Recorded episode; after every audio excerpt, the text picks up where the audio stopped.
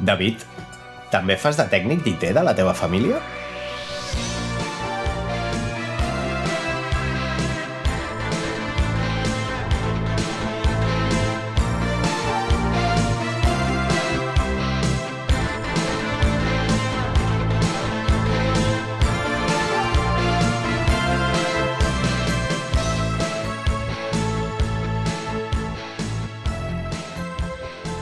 Sí, jo també. Jo també sóc l'informàtic.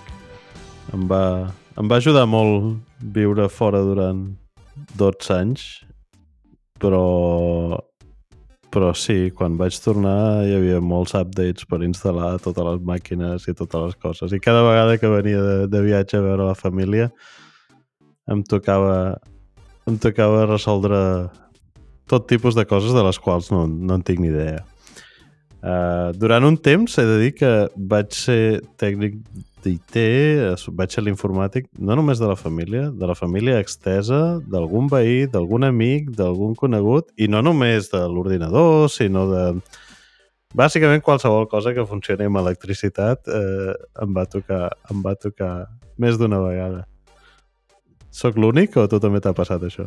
No, no, a mi també, a mi també m'ha passat no vaig viure tant de temps com tu fora, però, però sí, sí, amb els pares, amb veïns, amb, amb, amb peticions a vegades inverosímils d'aquelles coses que es volen fer amb l'ordinador i que a vegades m'he trobat que si aquesta tecnologia encara no existeix.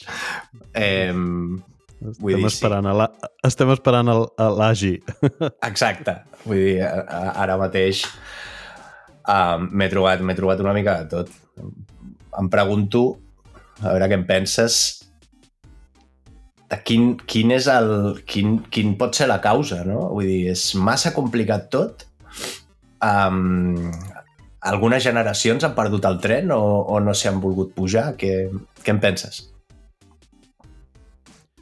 No, no tinc una opinió molt formada o no tinc unes, unes hipòtesis molt clares, però, però algunes idees que puc deixar caure són, primer de tot, eh, hi ha una...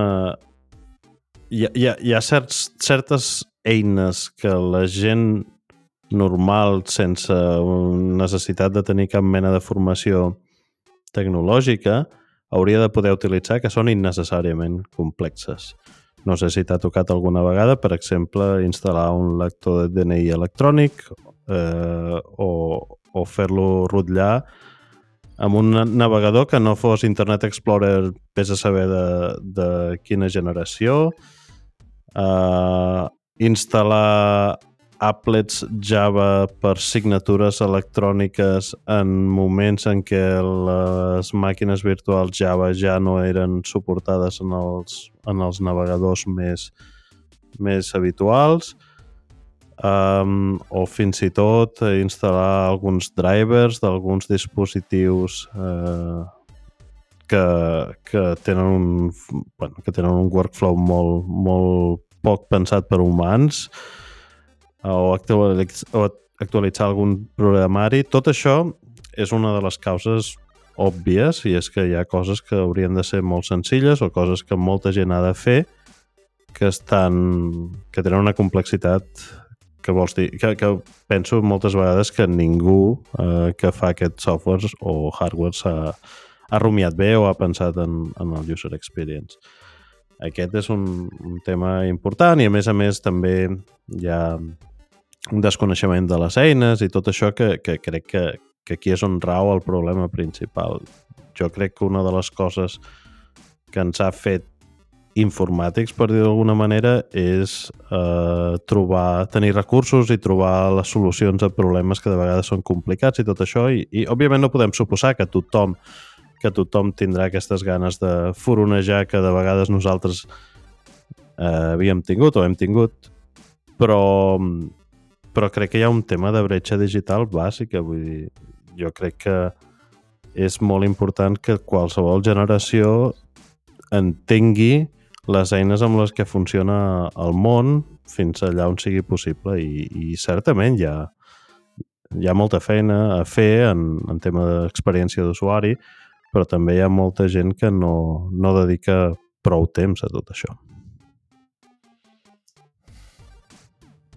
Sí, el, el temps crec que, és, crec que és un factor crec que és un factor important però més enllà de la, de la dedicació m'agradaria també posar focus en el temps que requereix, o sigui, el temps que es necessita més enllà del que s'està disposat a dedicar. No? Vull dir, la complexitat a vegades de fer segons quines coses, crec que els exemples més clars de coses que podrien ser molt més fàcils i molt més útils són els que, amb els que començaves, no? El DNI electrònic, certificats digitals per poder fer signatures... Eh, això enganxa amb el, amb el nostre primer episodi de l'hamburguesa, però però coses que són del dia a dia, no? poder accedir a la seguretat social, poder fer servir els, els, les eines d'identificació de perfils i de, i de login aquestes que hi ha. Tens... Jo, eh, mira, t'explicaré una mica la, la me, les meves primeres experiències amb el clave PIN i amb el clave permanente. Buf. La, la, el, el, el, clave, el clave que està escrit amb una arroba per, per, per intentar ensenyar que és molt digital. Sí, aquest és, aquest és, el, aquest és el factor tecnològic, vale? la, la roba al, al nom. Sí, la, la primera vegada que me vaig haver de, de, de trobar amb això crec que va ser quan va néixer el meu primer fill perquè evidentment per poder fer gestions de baixa i, i tal, doncs necessites signar o necessites poder autenticar-te i tal. O sigui, la meva primera pregunta, com a persona mitjanament versada en el, en el món de la tecnologia és per què tenim dos sistemes que un es diu PIN i l'altre permanente? Vull dir, per, per què hem de, hem de fer servir dos tipus d'autenticació? Per què afegir aquesta dualitat? Si ens volem autenticar i volem fer gestions, podem, podem simplificar-ho més després que la plataforma per aconseguir les credencials funcioni. A la primera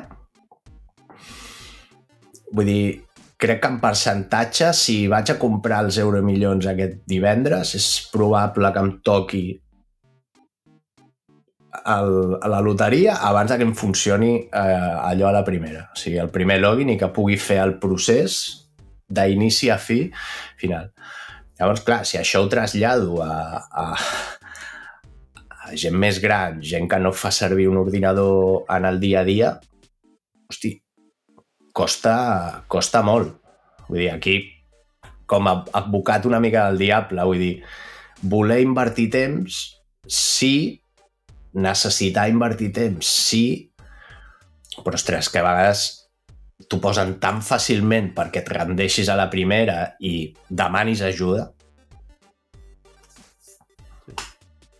Estava, estava obrint l'aplicació clave PIN cl arroba b baixa e espai p i n p i n en majúscula, la c en majúscula, l'arroba no sé com, eh, tot això, clar, la fa imbuscable, per cert, o sigui que és, això de posar l'arroba està molt bé, però, però és un pro primer problema d'usabilitat. Clar, tu obres aquesta um, aplicació i és una aplicació amb tots els respectes per la gent que hi ha treballat, que segurament és, treballen per una consultora que està subcontractada per una altra consultora que està subcontractada per una altra consultora seguint les ordres d'algú que realment eh, el contacte més profund que ha tingut amb la tecnologia d'autenticació de ciutadans i ciutadanes ha estat mm, ensenyar el DNI per renovar-se o, o el que sigui.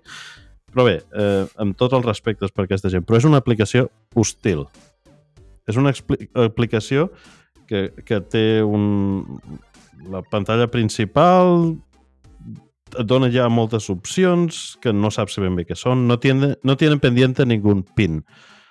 Bueno, jo no sé què és un pin, sincerament. No tiene pendiente ningún pin, què vol dir? O, o, o te'n vas també a la pestanya de gestions i hi ha coses com revocar el certificado. Clar, jo, jo sincerament, si no sé què vol dir. Bueno, m'imagino que vol dir doncs, que el dispositiu deixarà d'estar associat amb això, però però el llenguatge és, és, és molt dur i també llavors te'n vas a la pestanya aquesta d'ajuda i te'n vas al Conoce Clave, hi ha uns vídeos explicatius que segurament algú els ha fet amb molta il·lusió, però clar, el problema de que una aplicació que bàsicament ha de...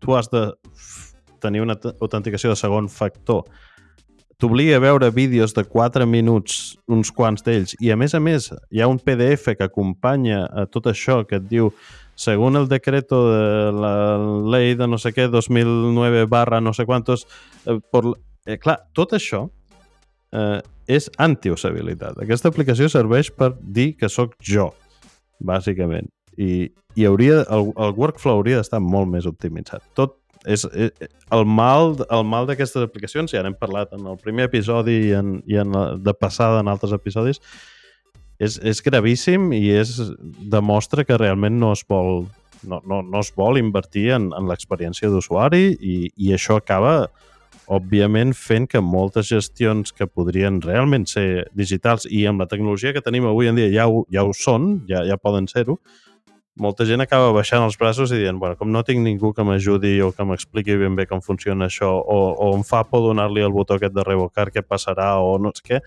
me'n vaig i faig la cua a l'entitat que toca o demano cita, que també demanar cita, per cert, ho has hagut de fer alguna vegada? No, és una història molt divertida. Acab acabem complicant gestions i, i generant molta, molta feina artificial que realment doncs, doncs elimina una part de, dels beneficis que podríem tenir amb aquesta app.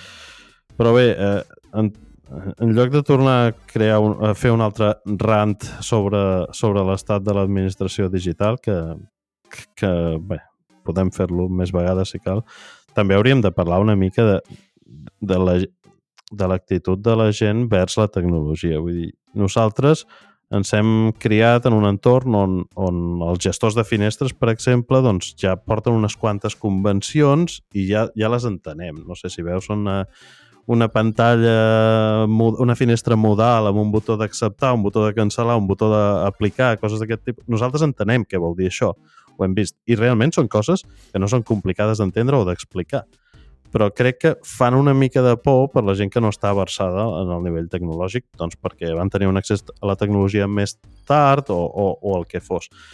Jo crec que el, que el que hauríem de crear és una mica aquest esperit per la curiositat i per provar i per equivocar-se i per intentar coses i per aprendre. És que si no, si no realment la bretxa digital no se soluciona i això realment no se soluciona amb cursets d'informàtica al casal d'avis. Eh, hi ha alguna cosa hi ha alguna cosa més que s'ha de fer perquè la per, per generar una mica aquesta curiositat o aquest esperit. A banda, òbviament, la gent que tenim la sort de, de, de tenir aquests coneixements i tot això, hem de ser una mica més pedagògics, vull dir, hem d'ensenyar a la gent a intentar a intentar buscar-se les garrofes en lloc de, de tenir el fallback fàcil. És, és obvi aquí acabes de treure un punt super, super interessant i, i jo m'he trobat en el que ara mateix criticaré. O sigui, m'he trobat fent allò que, que ara criticaré. Vull dir, crec que és natural que se'ns demani ajuda en coses que, que no se sap com fer i sobretot que no se sap accedir a la informació que et pot facilitar el com fer-les. Parlem de configurar un router o d'allò, vale, hi ha routers que venen amb manuals que són A, B, C, però n'hi ha d'altres que no. Vale? O, no sé, que la senyal de la wifi m'arribi tota la casa i, saps? Vull dir, preguntes que es poden formular en el cap d'algú que no entén com, com funciona la tecnologia segons quin, quines coses, i a vegades quan, quan, quan dones aquesta ajuda fas servir un nivell o, o jo m'he trobat que he fet servir un nivell de, de llenguatge i de tecnicismes que veus que la persona que li estàs explicant no, no segueix. Vale? A vegades ens, ens costa una mica el, l'invertir o fer aquest canvi de mentalitat de no estem parlant amb algun company de la feina o sigui, un pare no té per què saber que tants paquets van cap aquí o tants paquets van cap allà o que, saps? O que no fa falta tenir el router al costat de la tele perquè eh, Netflix funcioni. Sí, sí. Saps? O sigui, la, vull dir, són una sèrie de coses i a vegades doncs, doncs, t'hi trobes que, que, que frustrat de hòstia, però no ho entenc. Clar que no ho entenc. Vale? Sí, Llavors, sí. a vegades també tenim aquesta com labor, responsabilitat de...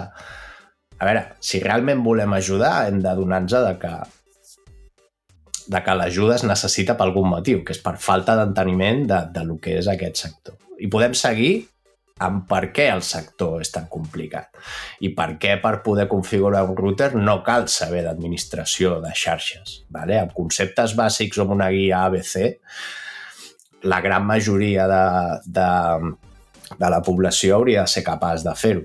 Vale? El concepte plug and play va estar en un període de temps però ha desaparegut amb, molta, amb moltes coses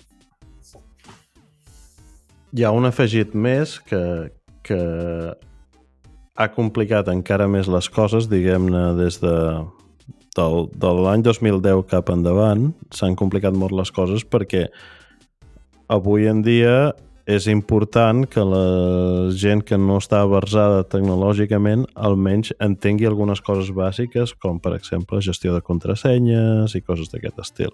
Eh, aquest és un tema personalment que és, és un dels temes recurrents, almenys em passa amb la meva família, cada cop que hem de canviar alguna cosa de la subscripció del Netflix o alguna cosa així, tothom ha perdut el password, òbviament. I llavors, clar, quina és la solució? Doncs posa un password que recordis, però clar, si posa un password que recordis, llavors serà un password massa senzill. I llavors, clar, tot això són complicacions addicionals que, que esperem que en els propers anys amb coses com Pasqui i coses semblants vagin desapareixent, però però el trade-off és, molt bé, baixo la seguretat, faig que reutilitzem passwords o, o, o tenim una llibreta amb tots els passwords escrits. Aquest, per cert, he de dir que, que aquesta és la solució que ha funcionat a, a, a, per, per la meva família en general, però eh, almenys sense repetir-ne. Mm, si algun dia es perd la llibreta, que també va passar una vegada, eh, és un problema, però no sé. Vull dir que a partir del 2010 hi ha altres reptes nous que han anat apareixent o que és necessitem credencials per fer moltes de les coses que, que fem habitualment. Moltes vegades el que faig és jo tinc un, una carpeta en el meu password manager amb els passwords importants de coses per, per la meva família perquè sé que caldrà alguna vegada doncs, doncs canviar una contrasenya o fer alguna, alguna altra cosa. No sé, eh, crec que hi ha un tema d'usabilitat generalitzat, però, però sí, ben, tu, responent a, o comentant sobre el que deies, tenim un problema en general de, de pedagogia. No, hem perdut una mica la paciència, eh, no ho fem prou bé i ens busquem també clar, som una mica, una mica, podem ser una mica hostils en el nostre llenguatge i és important, és important no ser-ho. I això, per exemple, també aplica a entorns corporatius. Jo, en la meva opinió, jo sempre sempre sempre he pensat que la gent que té aquest tipus de feina recurrent, que s'han de menjar tots aquests problemes que van sortint apagant focs i tot això, per exemple, la gent que treballa en els departaments de suport d'IT de les empreses, la, els millors professionals en aquest sector són aquells que tenen capacitats comunicatives excel·lents. No són sempre, i són gent són gent per treure's el barret, que fan una feina molt desagraïda i tot això, n'hauríem d'aprendre d'aquesta gent quan, quan, quan intentem doncs, doncs educar una mica, educar una mica aquestes, uh, a les nostres famílies o, o coses així. Però clar, també, també és veritat que a mesura que ens fem grans moltes vegades tampoc tenim tantes ganes de continuar tocant ordinadors quan sortim de la feina. I s'ha d'entendre que, que de vegades no és la, la feina més agraïda m'encanta estar tot el dia davant de l'ordinador. Ja m'hagi tirat 9, 10 o 8 hores a treballant. No, no, t'entenc perfectament i, i crec, que és, crec que és molt cert um, que a vegades perdem o no tenim la, la suficient paciència. Però tornant a, tornant a una cosa de... Perquè hi ha, hi ha una cosa que em rasca, m'ha fet pensar, no? que comentaves a, al voltant de la usabilitat. És curiós com en alguns aspectes relacionats amb la tecnologia hi ha aquesta barrera que és difícil de superar, però amb altres, escolta, o sigui, la meva mare, que tecnològicament no és la persona més versada del món, foten el WhatsApp i les fotos i el compartir i el d'allò. A nivell d'usabilitat, vale? que després el contingut canvi sigui qüestionable és una altra història i això podem parlar en, en un altre moment. Però crec que aplicacions com, com aquestes a nivell d'usabilitat han fet molt bona uh, feina fent-ho senzill, intuïtiu i sobretot eh, apetitós pel, per la, pel públic da igual quina edat tinguis. Dona igual quina edat tinguis. Sí, eh, WhatsApp és l'exemple claríssim.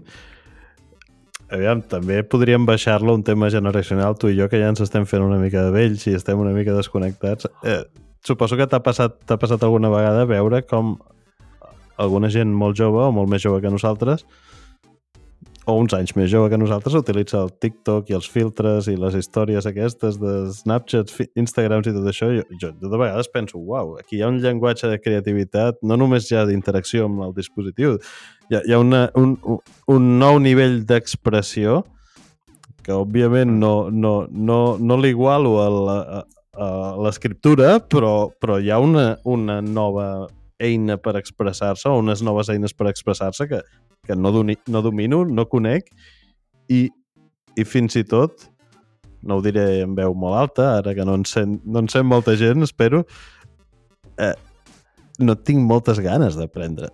Correcte. No tinc molt... I perquè, no perquè no m'agradi, jo respecto molt l'expressió, les formes d'expressió diverses, però, però, però sembla curiós. Però bé, darrere de coses com això de WhatsApp hi ha una empresa que té una mètrica clara que vol optimitzar, que és el nombre d'usuaris actius o el nombre de missatges que s'han d'enviar per segon, i han aconseguit que, que aquí hi hagi milers de persones que no han tingut cap mena de relació amb la tecnologia i, i ho han vist com una cosa que no volien tocar, reenviant-se missatges amb una vall, attachments i tot això, que per cert ja t'anticipo, això crea altres problemes d'això és per l'informàtic de la família, com és ui, no m'hi caben més coses al mòbil, no sé què he tocat, se m'han anat eh, coses, eh, frases d'aquest estil, que... però bé, és igual. iCloud subscripció d'iCloud, això sí que és una sèrie de, de, de melons importants. Però bé, estic d'acord, és un exemple és un exemple claríssim. I és una mica trist, eh? Perquè, perquè això vol dir que si es pot, si, si es vol, es pot, des de gent que tingui control sobre les interfícies d'una aplicació, d'un sistema operatiu i tot això, si tenen els incentius adequats, poden realment fer interfícies molt més simples i, i fàcils. És que això, això ho tinc claríssim. O sigui, hi ha grandíssims professionals en el món del, del user experience i del disseny i de, i de fer... I, i, vull dir, possible és. Perquè realment els fluxes per cobrir les necessitats de segons quins sectors de la, de la societat no són tan complicats. Vull dir, anar a l'aplicació del banc i mirar si t'han ingressat la nòmina, la pensió o, o el que sigui, hauria de ser entro i, i miro. I n'hi ha que estan així, que funcionen de conya, però n'hi ha d'altres que, que, que mind-blowing, el, el nivell de, de dificultat, el nivell de, de coses que tens allà. Vull dir, és, és, és difícil. És difícil de, de fer. Sí, eh, tot això crec que l'aplicació mitjana de banca a, a l'estat espanyol és molt millor que en molts altres països. Eh, si, si algun cop t'ha tocat veure com s'interactua amb bancs americans, eh, és com agafar una màquina del temps i anar-se'n a l'internet del, dels anys 90, bàsicament. Eh, de vegades, eh? no, no sempre. Uh, per, tant, per tant, aquest és un exemple de que d'algú que ha intentat fer coses una mica millor amb un objectiu determinat, però clar, tot això requereix també de cert certs coneixements bàsics de mm, com interactuar amb el sistema operatiu, instal·lar aplicacions, autenticar-se, totes aquestes històries, són un, són, són un cúmul de coses que, que s'han d'anar solucionant. Un tema, sense l'ànim d'obrir nous melons, però un tema que crec que, crec que és molt interessant és què fa la societat per millorar la competència digital del, dels, dels ciutadans i ciutadanes. Uh, aquí vam tenir un accés a la tecnologia relativament depèn. Per exemple, comparat amb el, molts dels veïns europeus, doncs una mica més tard i vam tenir connexions a internet que eren força precàries fins ben entrats els 2000. Eh, comparat amb altres llocs del món, doncs un accés a la tecnologia molt... L'accés a la tecnologia va arribar abans, però però jo que he pogut comparar una mica les, les competències digitals de la societat sueca amb la nostra societat, me n'adono que hi ha un gap que aquí no hem sabut cobrir i no sé si és una qüestió de temps o és una qüestió que s'eixamplarà amb el temps, no en tinc ni idea, però però, per exemple, els, els, meus, els meus sogres que són suecs, ells tenen un nivell de competència digital molt elevat. Molt elevat comparat amb el que, amb el que estic acostumat a veure amb, un, amb, amb gent del, del, del, mateix, del mateix segment d'edat, per dir-ho d'alguna manera, uh, aquí a Catalunya. Uh, I crec que no són una excepció, vull dir, no són particularment tecnòlegs, de fet són bastant analògics en la manera com viuen la vida, però quan toca, toca. I, i, i ho saben gestionar coses saben treure el màxim partit d'un full de càlcul o d'un gestor de documents. Se saben treure les castanyes del foc per coses bàsiques, investiguen... Hi ha bon suport tècnic també de les empreses dels proveïdors d'internet, venen tècnics que ho tenen ben gestionat i l'internet en els edificis doncs, és, està molt estandarditzat, coses que aquí no passen tant, per exemple, però, però tot apunta que aquella societat, per exemple, va aconseguir fer una millora de competències digitals eh, en una generació que aquí no s'ha pogut fer pel motiu, pel motiu que sigui. I no ho sé, una mica com el que deia abans, per exemple, això de fer cursos d'informàtica per gent gran en els CAPs i coses de, en els, perdona, en els, en els casals d'avis i coses d'aquest estil. No sé si això és suficient o hem de fer alguna transformació més ja a nivell educatiu i a nivell d'interès. No, no en tinc ni idea. És, és una pregunta oberta perquè no sé com ho podrem arreglar, però el gap, el gap és, és, és real, ho puc assegurar. Clar, jo em pregunto si el gap, i, i estic convençut de que la resposta és no, és per una qüestió de capacitat social o per una qüestió d'inversió en, en aquesta formació, no? en incrementar la competència. Vull dir, es pot tenir cursos d'informàtica en els, en els casals de, de gent gran o, o, o gent no tan gran.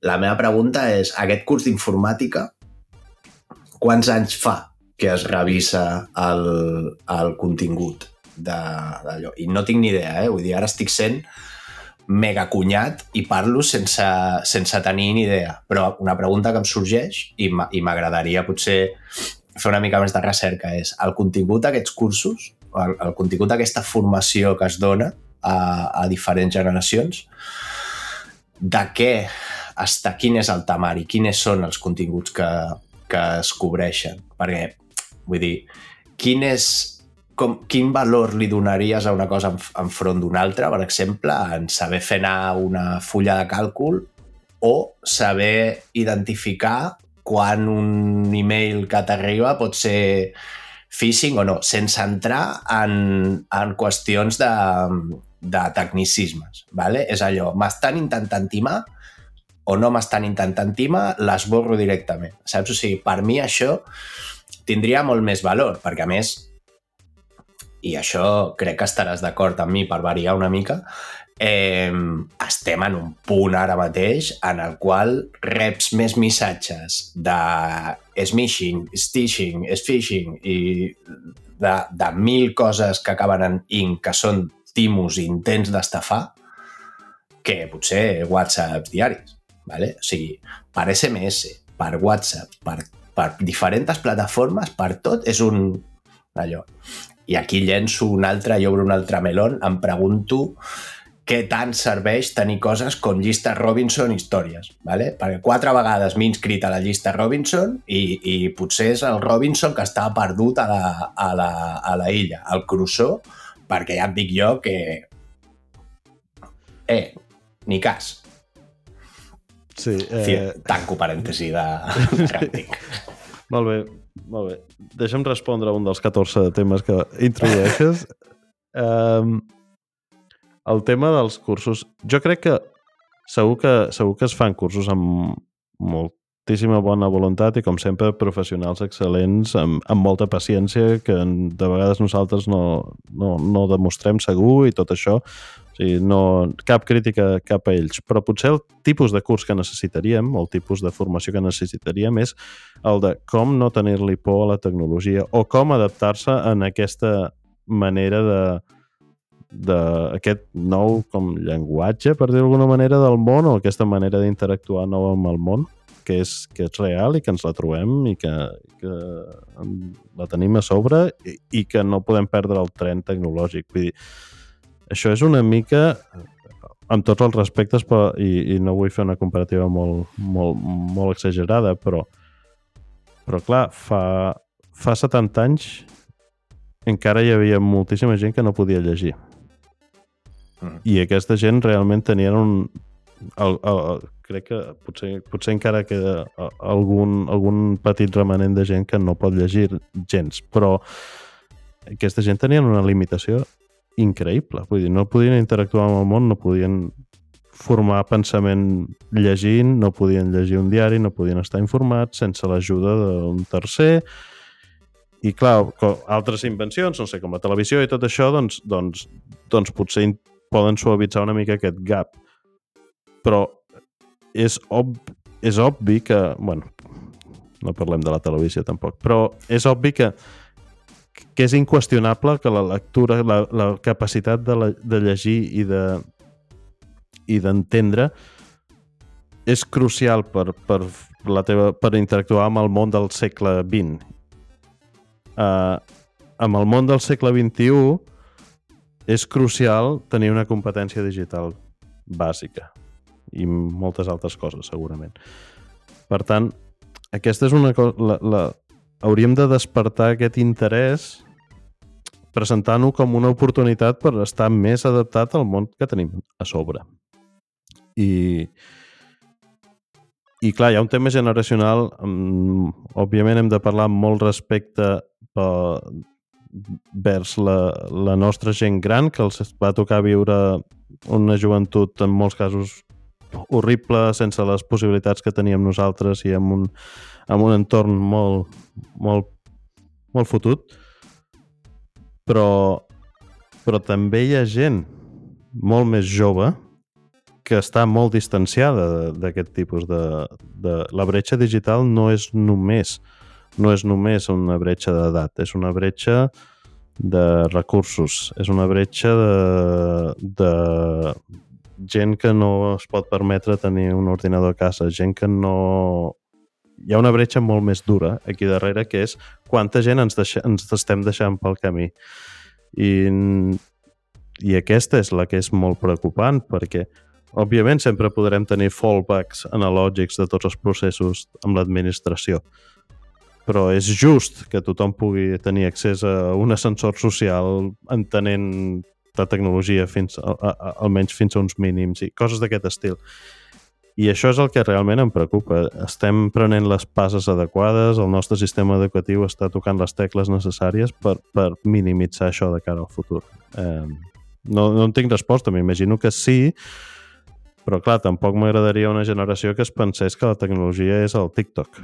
La tecnologia és, eh, la tecnologia és atrevir-se a fer coses, trobar noves maneres d'interactuar amb serveis, amb gent que està lluny, coses d'aquest estil. La tecnologia és una eina, per mi, i és una eina que potencia i que multiplica altres trets identificatius de, de, de l'ésser humà com a societat.